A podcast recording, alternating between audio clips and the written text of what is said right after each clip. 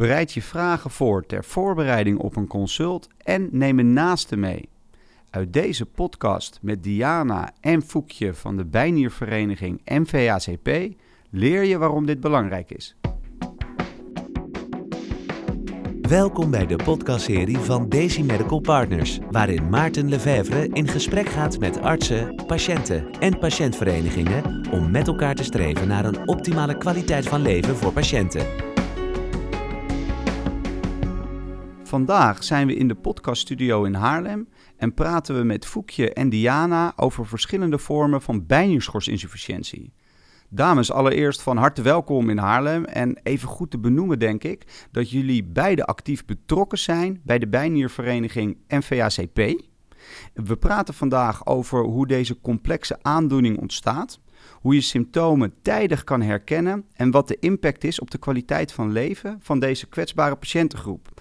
Uh, primaire bijnierschorsinsufficiëntie wordt ook wel de ziekte van Addison genoemd. Voekje, uh, door welke verschillende factoren kan de ziekte van Addison ontstaan?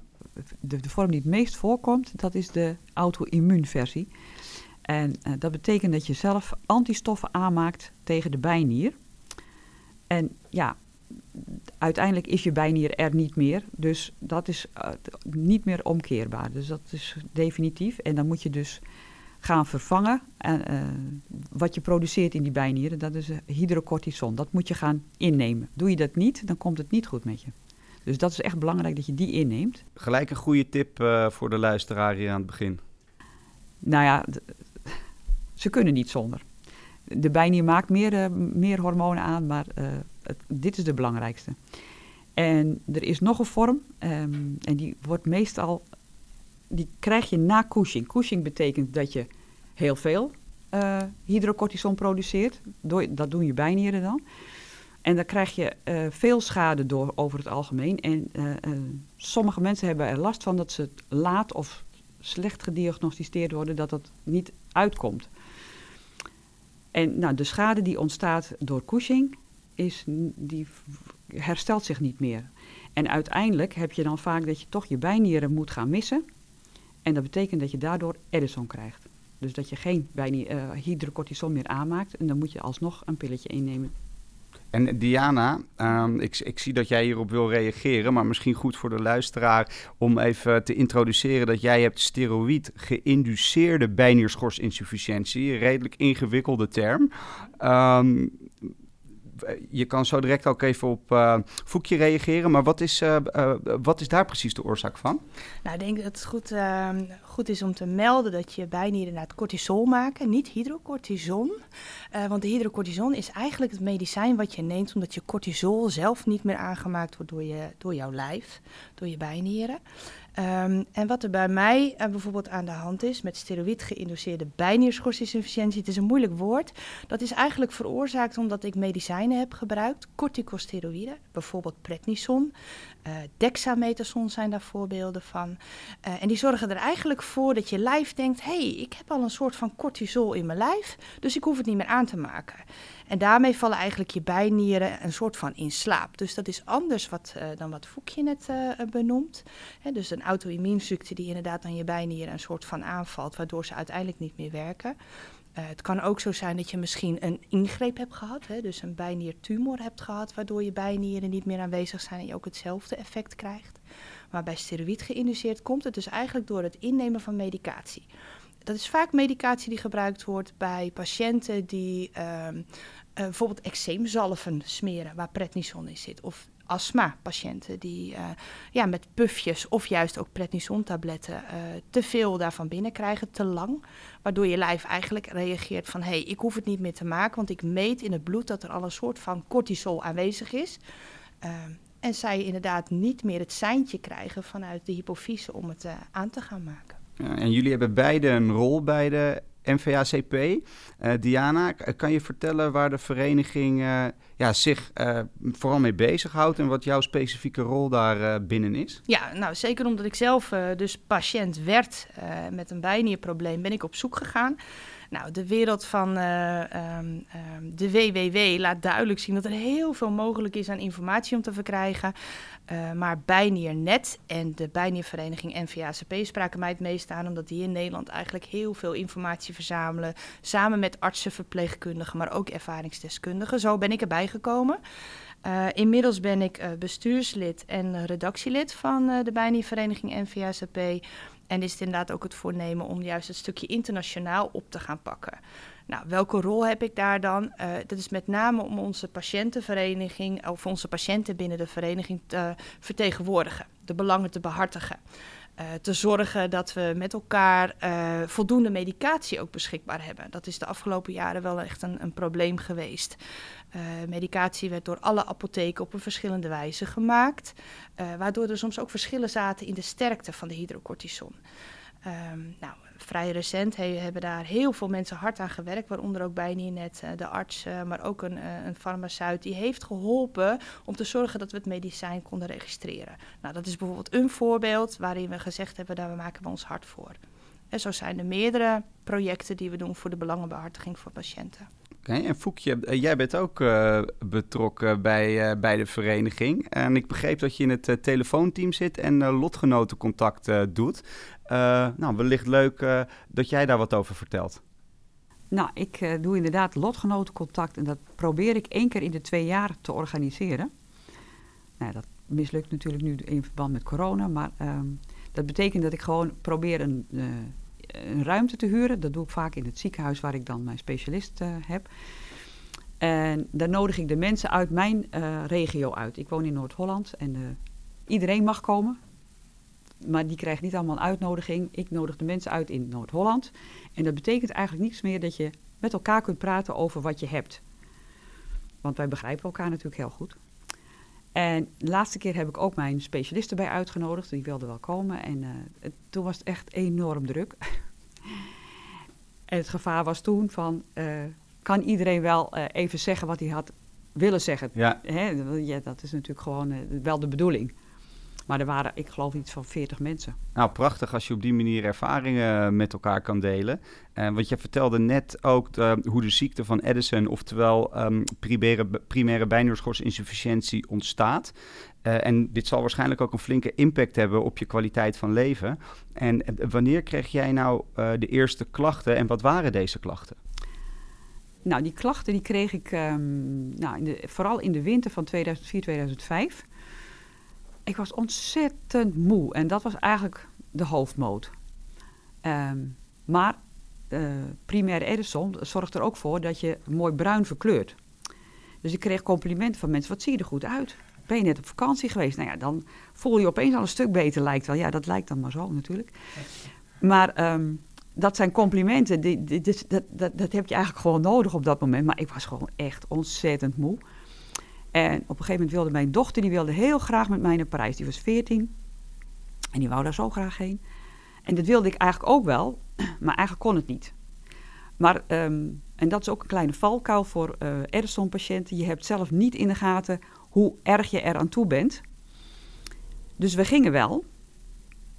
Um, ik weet niet hoe ik het geregeld heb, want ik was echt, ik, ik ben gewoon een stukje kwijt van, uh, nou ja, dat, dat. En daar belandde ik in coma in het ziekenhuis in Parijs. Jeetje, wat heftig. Ja, maar dat is natuurlijk ook een beetje eigen schuld, want ik ben niet naar een dokter geweest. Ik ben nooit naar de huisarts geweest met mijn klachten, want ik denk, ja, die huisarts ziet je aankomen.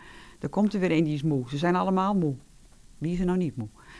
Dus ik, ik, het is mijn fout dat ik, ik kan er niemand de schuld van geven dat ik daar nooit wat mee gedaan heb. En in Parijs raakte ik in coma. Ja, wat, wat, ik wilde eigenlijk aan je vragen wat je achteraf anders uh, zou hebben gedaan, zodat de aandoening eerder bij je zou, zou zijn vastgesteld. Um, dus dan bedoel jij eigenlijk sneller aan de bel trekken als ik het zo hoor? Ja, maar zoals ik net al zei, dit is echt een valkuil voor Edison-patiënten, dat je zelf niet in de gaten hebt hoe ziek je bent. Dat, dat heb je, je hebt het gewoon niet door. Nee. Ik kan het niet anders omschrijven. Het klinkt heel, heel apart. Ik ben, je bent heel moe. Daar had ik natuurlijk wel mee naar de dokter moeten gaan. maar ja, de, ik, nou, net wat ik zeg, ik denk, doktoren zien je aankomen. Er komt er weer een die moe is. Maar misschien merkte je, merkte je man er wat van? En wat, wat merkte hij bijvoorbeeld? Of, of je kinderen? Ja, vast wel. Uh, ja, mijn kinderen, ik heb het eigenlijk nooit specifiek aan ze gevraagd. Maar het gaat natuurlijk ook geleidelijk, hè? Het is niet van het een op het andere moment dat je, dat je zo moe bent. Het gaat geleidelijk. Ja. En dan ga je gewoon een keer om uh, half acht naar bed. Dan ga je kinderen naar bed. Dan ga jij ook naar bed. Naar bed. Ja, zo moe ben je dan wel. Noord-Hollandse nuchterheid. Ja. ja. Uh, Diana, omdat uh, bijnieraandoeningen veelal zeldzame aandoeningen uh, zijn, duurt het stellen van een diagnose vaak lang en start de behandeling daarom ook later. Um, wat kunnen zorgverleners en patiënten daar volgens jou aan doen? Ja, het is heel herkenbaar uh, wat Foekje ook beschrijft. Uh, het sluipt erin hè, en je begrijpt de klachten niet. Je bent moe. Maar ja, ik heb bijvoorbeeld ook een gezin van vijf. Dan ben je logischerwijs moe. Wat Foekje zegt, als de kids om acht uur naar bed gaan, dan ga jij ook gewoon naar bed. En ja, je, je gaat je leven er een beetje voorzichtig op inrichten. Uh, totdat de klachten zo heftig worden dat je daar inderdaad wel wat mee moet. Um, klachten die er ook bijvoorbeeld bij horen, uh, um, is bijvoorbeeld heftige buikpijn of buikklachten, misselijk, diarree. Um, uh, zelf bij mij uh, herken ik het ook te laat. en hoor ik soms wel van mijn omgeving helemaal, maar je wangen worden heel erg rood. Nou, dat is bij mij een signaal dat het inderdaad ja, wel belangrijk is dat ik wat extra hydrocortison ga nemen op dat moment. je bloeddruk kan lager worden, hoofdpijn, ja, je kan gewoon heel naar worden ja, wat kunnen zorgverleners en patiënten doen? Ik denk hetgene wat Foekje ook aangeeft, als je klachten hebt die toch eigenlijk wel in, uh, in heftigheid toenemen, dat je naar je huisarts toe gaat en dat je duidelijk benoemt welke klachten je hebt. Um, op het moment dat je inderdaad eenmaal een richting in geduwd wordt, zou ik maar zeggen, van hé, hey, we moeten dus wat bloed gaan afnemen en we zien dat je hormonen wat afwijkend zijn, dan kan het inderdaad wel sneller gaan, omdat zorgverleners veel meer um, uh, gebruik kunnen maken ook van uh, specialisten in het ziekenhuis. Hè. Dus de, de, huisarts die sneller overlegt met de endocrinoloog uh, of de internist. Hè. De endocrinoloog is met name de hormonendokter. De internist pakt alles van het interne systeem van het lichaam. Um, maar er zijn ook bijvoorbeeld expertcentra die inderdaad in Nederland zitten, zoals in Groningen, Nijmegen. Verschillende ziekenhuizen die gespecialiseerd zijn om dit probleem aan te pakken. Daar zitten ook bijvoorbeeld verpleegkundigen die gespecialiseerd zijn in het begeleiden van mensen met bijnieraandoeningen. Wat kan je zelf meer doen? Uh, uh, ga op tijd naar de huisarts met je klachten. Onderken niet op het moment dat je erg moe bent, wat eigenlijk niet overeenkomt met jouw dagelijkse leven.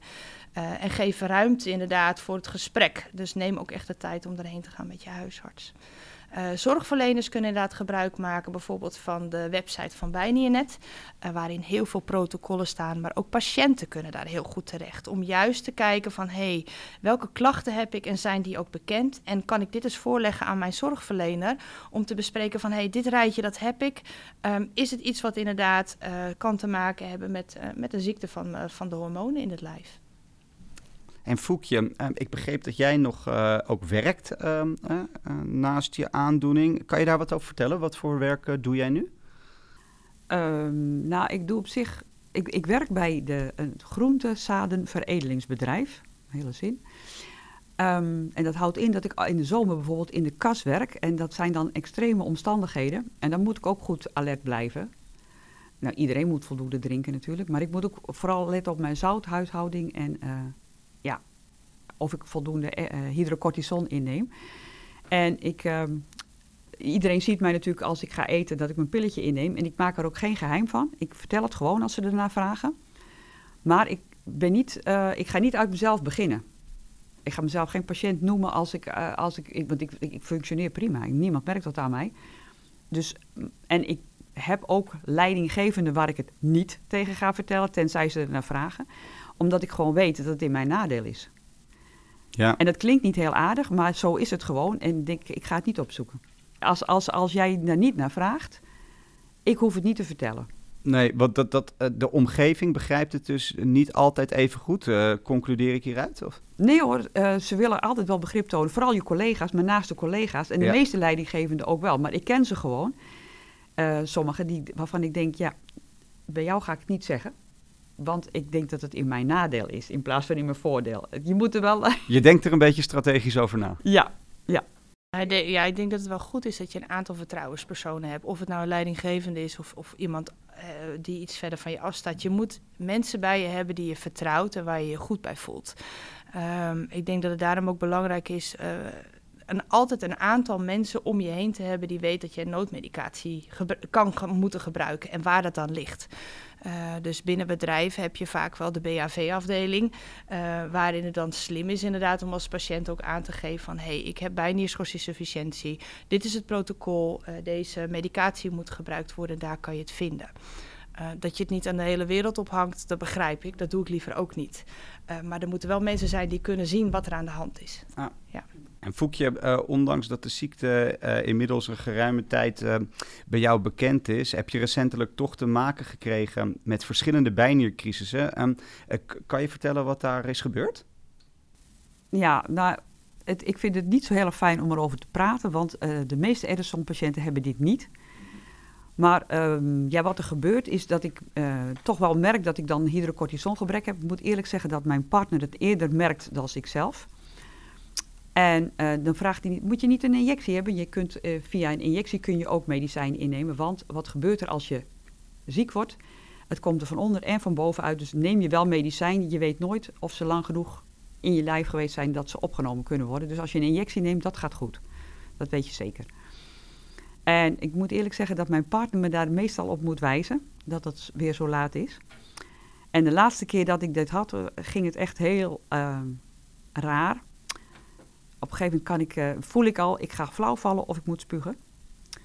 En uh, het werd eerst flauw vallen en daarna werd het toch nog spugen. En daarna weer flauw vallen. En toen ben ik echt heel hard gevallen, echt raar gevallen. En ja, dat zijn dingen, heeft niet elke Edison-patiënt. Nee. En meestal um, reageren de Edison-patiënten goed op een injectie. En dat is bij mij helaas niet het geval. Ik, ik uh, weet, ik ben nu beschermd, ik heb voldoende uh, hydrocortison. Daar kan het nu niet meer aan liggen, maar ik voel me nog niet goed. En dat blijft dan de hele tijd aanhouden. En ik ben bang dat ik een uitzondering ben uh, in Edison-wereld. Welke tips zou je andere patiënten en naasten willen geven om een, ja, om een bijniercrisis te voorkomen? Nou, helemaal voorkomen, dat blijft lastig. Maar um, ik denk vooral partners hebben, een, een, een, die hebben het eerder door dat je je niet goed voelt. Dus het, zou heel, het is heel fijn als je iemand in je omgeving hebt die dat signaleert en die jou daarop attendeert van gaat het wel goed met je? Voel je je wel goed? En dan ga je, dan ga je even nadenken en dan... Um, ja, ik heb zelf heel vaak dat ik het niet door heb. En ja, dat is gewoon een klein nadeel van Edison, dat je gewoon zelf niet in de gaten hebt dat het zo is. Het is gewoon jammer, maar eh, leuker wordt het niet. Dus als iemand jou daarop attendeert, dat is fijn. En dan, dan ga je eh, denken van, oh, wat, wat voel ik, hoe voel ik me? En dan uh, moet ik toch wel toegeven dat, het, dat, hij vaak, dat mijn man vaak goed heeft. En Diana, jij vertelde net hoe uh, steroïd geïnduceerde bijnierschorsinsufficiëntie ontstaat. Um, maar jij was vroeger uh, alleen ernstige astmapatiënt. Uh, kan je vertellen hoe um, steroïd geïnduceerde bijnierschorsinsufficiëntie bij jou is ontstaan? Uh, ja, het woordje alleen ernstig astmapatiënt, dat is misschien ook wel een beetje een understatement. Maar goed, uh, het, je hebt veel medicatie nodig. En zo zijn natuurlijk ook andere mensen die door uh, bepaalde aandoeningen dan corticosteroïden gebruiken.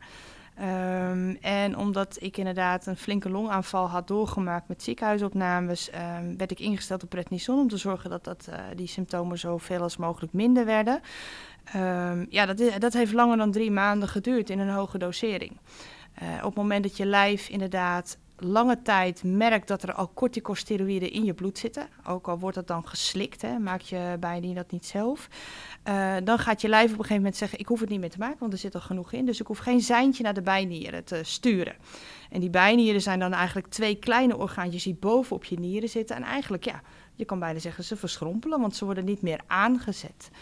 Um, ik heb het inderdaad gemerkt omdat ik op dat moment aan het revalideren was in Davos. Uh, ook wel de Toverberg uh, genoemd, zou ik maar zeggen. er is een boek van geschreven ook. Ja. Um, ik merkte dat ik gaandeweg de opname mijn prednison kon gaan afbouwen voor mijn longen. Maar ik steeds slechter werd. Dus de wandelingen die de patiënten deden, die kon ik niet meer bijhouden. De fysiotherapie of de zwemrevalidatie uh, kon ik niet meer bezoeken. En wat Foekje ook al aangaf, uh, je krijgt soms symptomen die uh, je zelf in eerste instantie opmerkt. Uh, waar mensen wel attenderen van, hé, hey, wat loop je te sloffen? Ben je moe? Wat zie je er moe uit? Uh, in mijn geval een rode wangen, maar ook heel veel klachten van uh, niet goed kunnen eten, afvallen, misselijk zijn, diarree-klachten krijgen op het moment dat je wat hebt ondernomen. Um, en uiteindelijk lag ik alleen nog maar op bed en kwam uiteindelijk de arts en dat ik zei van dit gaat gewoon niet meer. Ik weet niet wat er aan de hand is, maar het gaat niet meer.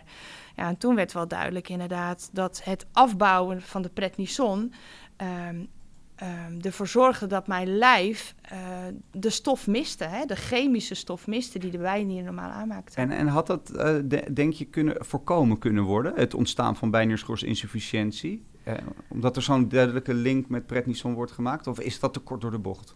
Uh, laat ik stellen dat ik wel, um, waarin Foucault ook zegt, niet laat het heel duidelijk zijn, niet elke patiënt is hetzelfde. Iedere patiënt heeft zijn eigen symptomen en zijn eigen klachten. Um, en aangezien het al een bijzondere zeldzame aandoening is, um, heb ik nog eens een keer de pech dat je maar van de 10% van de patiënten die corticosteroïden langdurig gebruikt, uh, een krijgt. Uh, en daarna nog eens een keer 10% die het maar houdt voor langere tijd. Hè. Normaal gesproken kunnen artsen met een goed afbouwschema van de prednison rustig, tijdnemend, goed op tijd bijsturen, mensen weer op de rit krijgen. En mensen op de rit krijgen betekent dat ze dan eigenlijk niet langer afhankelijk zijn van hydrocortison om te suppleren, omdat je bijnier het niet maakt. Uh, maar waarin deze patiënten wel altijd alert moeten blijven op het moment dat zij periode van hevige stress doormaken of ziek zijn. Soms kan het dan nog nodig zijn dat zij toch nog wat hydrocortison slikken. Op jouw vraag had het voorkomen kunnen worden. Zorgverleners, artsen uh, moeten heel alert zijn dat het gebruik van prednison kan leiden tot bijnierschorsinsufficiëntie. Dus niet te lang, niet langer dan nodig, niet hoger dan nodig doseren. Uh, maar op het moment dat het nodig is, ook een rustig afbouwschema pakken, zodat het lijf weer kan wennen van hé, hey, de chemische corticosteroïden in het lijf worden minder. We moeten proberen weer de, de bijnieren aan te zetten. Ja, mooi gelijk een aantal tips uh, voor de luisteraar. En um, uh, ik kan me voorstellen dat het ook aardig wat impact op jouw dagelijks leven en gezinsleven heeft. Mm -hmm. wil, wil je daar wat over vertellen? Ja, um, ik heb helaas uh, mijn baan verloren. Um, ik kon het niet meer volhouden, omdat inderdaad de dagen zo onvoorspelbaar zijn um, met het krijgen van crisissen. En ook ik krijg er vrij veel, merk ze laat. Uh, er zijn, uh, wat ik net al aangaf, wel situaties waarin je weet dat het gaat gebeuren. Bijvoorbeeld uh, hevige stress, lichamelijk ziek zijn, koorts. Ehm, wat Voekje net ook al goed benoemde, het werken in de kassen, dat is onder hitte. Dan is er bijvoorbeeld ook echt een hitteprotocol. Dat kan je ook weer vinden bijvoorbeeld op de site van Bijnienet. Ehm, je denkt er niet gauw aan, maar ga je op vakantie, heb je dus ook dat protocol nodig... waarin je weet van, ik moet meer slikken. Ehm, het lijkt niet logisch, maar het lijf heeft stress van de warmte. Nou, dat zijn van die gekke dingen waar je normaal gesproken niet over nadenkt in je gezinsleven of in je werkende leven. Dat moet je dus nu wel doen. Uh, dus de impact is groot geweest. En um, ja, voor mij is het heel belangrijk dat ik uh, veel medicatie bij me draag. Dus op mijn lijf, in mijn ketting zitten pillen, in mijn sleutelbos zitten pillen. Uh, ik heb een noodset bij me in mijn tas. Uh, ik ben redelijk gezekerd dat ik een medische detectiehond heb die mij kan alarmeren op het moment dat mijn cortisol te laag wordt. Ja, we hebben hem net ook ontmoet. Geweldig ja, hij, om te zien. Ja, hij, hij ligt hier onder me. Hij is inderdaad opgeleid op geur, dus hij kan precies detecteren wanneer het te laag is. Niet heel veel mensen hebben dat, dus daarom is het heel belangrijk dat je weet van in welke situatie reageert mijn lijf hoe op en zorg ik voor voldoende medicatie bij me. Dus ja. ja. die impact is wel groot geweest. Dat je altijd moet nadenken hoe je de deur uitgaat. Ja, maar je weet er nu uh, met heel veel foefjes mee om te gaan, uh, merk ik al. Ja. En met welke zorgverleners heb je contact? Um, ja, en, en hoe werken ze met elkaar samen? Loopt dit wel eens spaak? Of, wat kan je andere patiënten op dit gebied adviseren? Ja, er zijn heel veel vragen in, in één. Dus ik ga ze proberen uit elkaar te halen voor je. Welke zorgverleners heb je? Um, ik denk in eerste instantie krijg je contact met je huisarts, wat Foekje ook benoemde. Je gaat eerst naar je huisarts. Je huisarts stuurt je door naar een internist of endocrinoloog. Uh, die zal verder onderzoek gaan doen. Uh, op het moment dat ze er niet uit kunnen komen, dan kunnen ze dus inderdaad ge gebruik maken van de expertisecentra in Nederland, zoals ik net al noemde. Um, um, daar vind je ook vaak wel de verpleegkundige specialisten. En dat zijn vaak de mensen die samen met de endocrinoloog en internist het spreekuur doen, het polykliniek spreekuur. Uh, de verpleegkundigen zullen zich met name richten op het jou informeren hoe jij uh, je noodmedicatie klaar moet maken. Foekje noemde het al, we hebben ook spuiten met een speciale ampul. Uh, en zowel jij als je naasten moeten weten hoe ze dat moeten gebruiken. Dus een, een zorgverlener, zoals een verpleegkundig specialist, zal dat met name doen. Maar ook vragen hoe je in je dagelijks leven om moet gaan met deze ziekte. De arts zal zich met name richten van, hey, hoe gaat het met jouw ziekte? Uh, is het zo dat je inderdaad voldoende stabiel bent? Moeten we wat meer of minder medicatie geven? Want buiten de hydrocortison heb je bijvoorbeeld ook wat tekort aan andere uh, hormonen. Uh, daar kunnen ze dan heel specifiek naar kijken en kunnen ze dat gaan suppleren. Um, ja, verder heb je niet zo heel veel andere zorgverleners dan, um, nou, dan degene die ik net genoemd heb. Ja. Ja, ja want we, we merken dat je, hè, je hebt best wel wat uh, kennis. Um, mm -hmm. Je weet veel over verpleegkunde, want daar heb je voor gestudeerd. Ja. Um, en hoe, hoe, belangrijk is die rol van de verpleegkundige als het gaat om de zorg voor patiënten met bijnieuwschorsinsufficiëntie? Ja, die is enorm belangrijk. Um, de verpleegkundige specialist of de, de, de, gespecialiseerde verpleegkundige en de crinologie zorgt er eigenlijk voor dat je alle informatie als patiënt krijgt die je nodig hebt. Denk daar bijvoorbeeld aan, aan brieven op het moment dat je naar het buitenland gaat, waarin ook geschreven staat uh, dat je een aandoening hebt en dat je medicatie gebruikt. Uh, de verpleegkundige, uh, verpleegkundige kan er ook voor zorgen dat je handvatten krijgt hoe het nou precies moet op het moment dat je in het dagelijks leven staat. Want niet alleen volwassenen krijgen dit, maar ook kinderen kunnen dit krijgen. Dus hoe ga je dan bijvoorbeeld een kinderdagverblijf informeren of een school informeren? Waar leg je je medicatie klaar? dus er zijn heel veel tips en tricks die je van de verpleegkundige meekrijgt.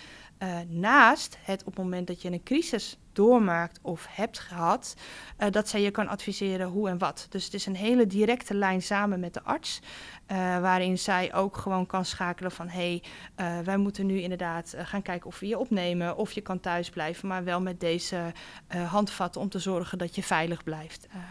dus ja, daar zie ik een hele belangrijke rol samen met de endocrinoloog in. En uh, Foekje, jullie hebben beide een uh, verschillende vorm van bijnierschorsinsufficiëntie. Wat betekent dat nu voor de behandeling? Ik denk dat die gelijk is. Je, je, je hebt alle twee uh, hetzelfde te substitueren. En dezelfde hoeveelheid. Ja, dat is per persoon verschillend. Dat hangt van je gewicht af of van je activiteiten. hoeveel je neemt en wat je, jouw norm gaat worden, dat, dat bespreek je met je specialist. Ja. Dus en die sluit jij je daarbij aan, Diana? Omdat jij natuurlijk een andere uh, vorm uh, van bijnierschorsinsufficiëntie Ja, de, de, basis is hetzelfde. Je bijnieren maken geen cortisol meer en die moet je suppleren. En daar heb je dus verschillende doseringen van, wat Foekje ook zegt. En daarmee hangt ook wel je stressschema af. Hè? Dus op het moment dat je inderdaad weet dat je situaties gaat krijgen... waarin je lijf te weinig cortisol heeft aan de normale dosering... heb je met je arts inderdaad een stressschema afgesproken en kan je dat toepassen. En voorkomen dat je crisissen krijgt. Nou, we, we zijn alweer aangekomen, dames, bij het laatste onderdeel uh, van deze podcast. En we vinden het altijd erg leuk om uh, af te sluiten met uh, een aantal tips. Nu hebben we er al een aantal gehoord in dit gesprek. Maar misschien als je een afsluitende zou willen geven, Foekje, wat zou, dat, wat zou dat zijn? Een tip voor de luisteraar? Nou, ik vind het heel belangrijk dat je niet alleen naar je specialist gaat. Zeker als je problemen hebt en je wilt graag een oplossing zoeken dan is het heel handig dat er iemand in jouw naaste omgeving meegaat die meeluistert. Kan dat niet, want er zijn natuurlijk mensen die moeten echt wel alleen. Dan zou ik denken van, vraag aan je specialist, mag ik het opnemen? Zodat je kunt terugluisteren van wat, heb, wat heeft hij allemaal verteld en wat was belangrijk. Want soms ontgaat je dingen of, of je hebt iets gevraagd en je hebt gewoon niet geconcentreerd genoeg geluisterd. En dan heb je het gewoon het antwoord niet. Dan is het langs je heen gegaan. Ja. Dan kan je thuis nog een keer goed terug uh, ja, horen. Ja. ja, dus ik denk dat het heel belangrijk is dat je dan uh, het terug kunt luisteren, eventueel. Mooie tip.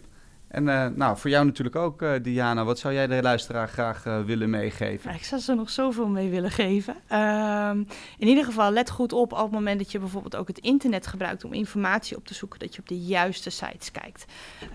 Um, je kan je onnodig druk gaan maken over zaken die eigenlijk die niet ter zake doende zijn. Uh, check bijvoorbeeld inderdaad Bijnie, net wat ik aangaf. Check inderdaad onze site van de vereniging, de Bijnie-vereniging NVACP. Uh, daar zit ook een telefoonteam achter die ze kunnen bellen. En verder denk ik dat het heel belangrijk is dat er voldoende mensen in je omgeving zijn die weten wat er met je aan de hand is. Zoek de vertrouwde personen op. Uh, gebruik inderdaad bijvoorbeeld ook je telefoon met je startscherm. Dat vind ik zelf heel fijn. Ehm, met het SOS-kaartje van ik ben een bijnier-patiënt en dit zijn de medicatie die ik nodig heb. Zodat elke hulpverlener ook die jouw telefoon pakt in case of emergency gelijk ziet van hé, hey, ik heb te maken met een patiënt die bijnierschorsinsufficiëntie heeft.